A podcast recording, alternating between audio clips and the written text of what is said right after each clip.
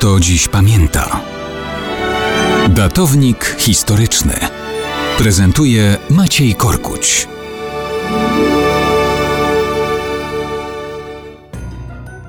Mało kto dziś pamięta, że równe 210 lat temu król Zygmunt III Waza wraz ze swoim dworem na dobre przeniósł się z Krakowa do Warszawy.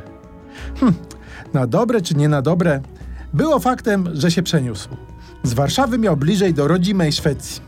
Formalnie wciąż był królem tego państwa. Jednakże geografia miała także znaczenie z innego powodu. Tym powodem była demokracja i miejsce Sejmu Walnego w systemie rządzenia Rzeczpospolitą.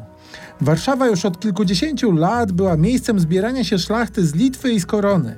Położenie Krakowa na południowo-zachodnich krańcach państwa nie sprzyjało równości traktowania koroniarzy i Litwinów. Koroniarze do Krakowa mieli bliżej, a Litwini musieli jechać na przeciwległy koniec Rzeczpospolitej. Warszawa była bardziej centralnie położona. Król Zygmunt zaczął rezydować w Warszawie najpierw czasowo.